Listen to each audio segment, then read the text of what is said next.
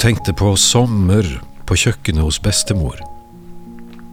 Med kavring og surmelk og ubegrensede mengder sukker.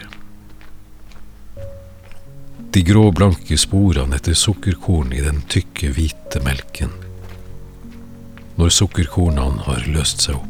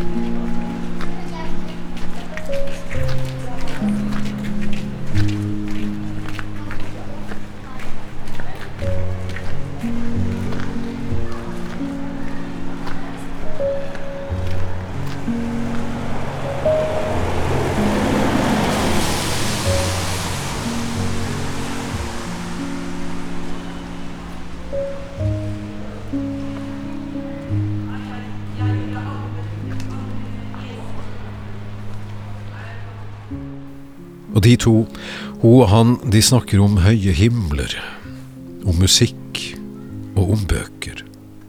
Og hun leser bøker, og hun leser ham.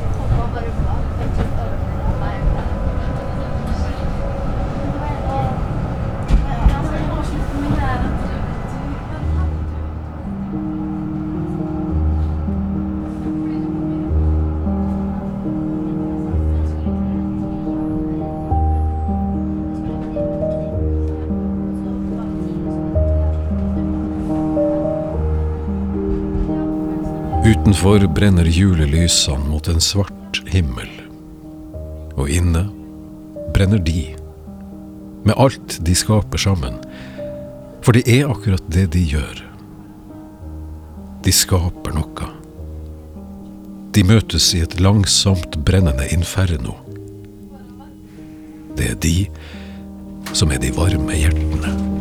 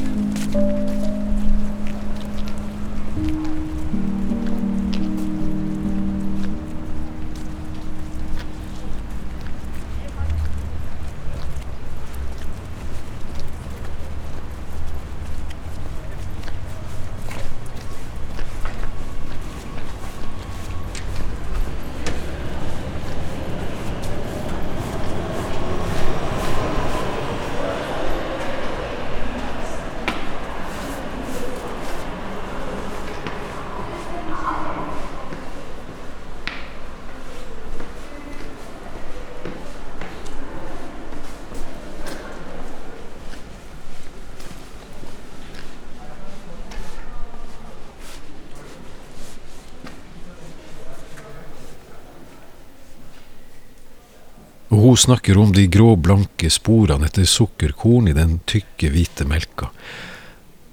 Og han drikker grådig av formuleringene hennes. Nyansene hennes. Og han fyller på med sitt. Sporene av sukkerkorn som sitter i den faste melka den gang Den gang hun er veldig ung i livet. Håret hennes er lyst. Kanskje enda lysere enn det det er nå. Kavringen, den knaser mellom kjevene hennes. Og håret hennes.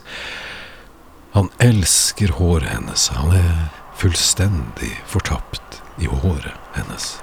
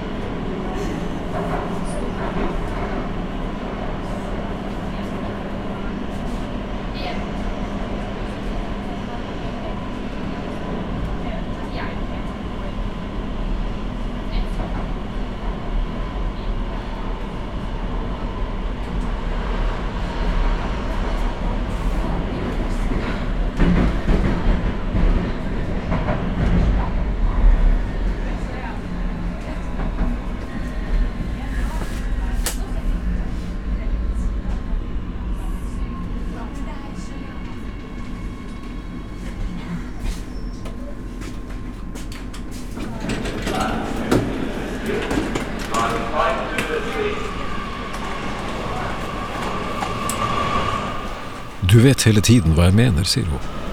Dørene lukkes. Som i at jernrake er et godt ord.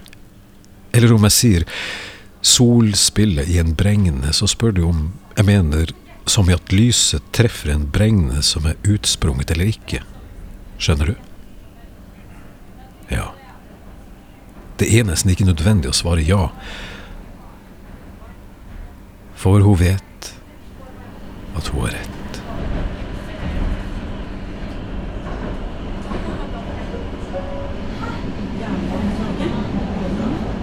ist Klaus verschwunden, da bist du frei.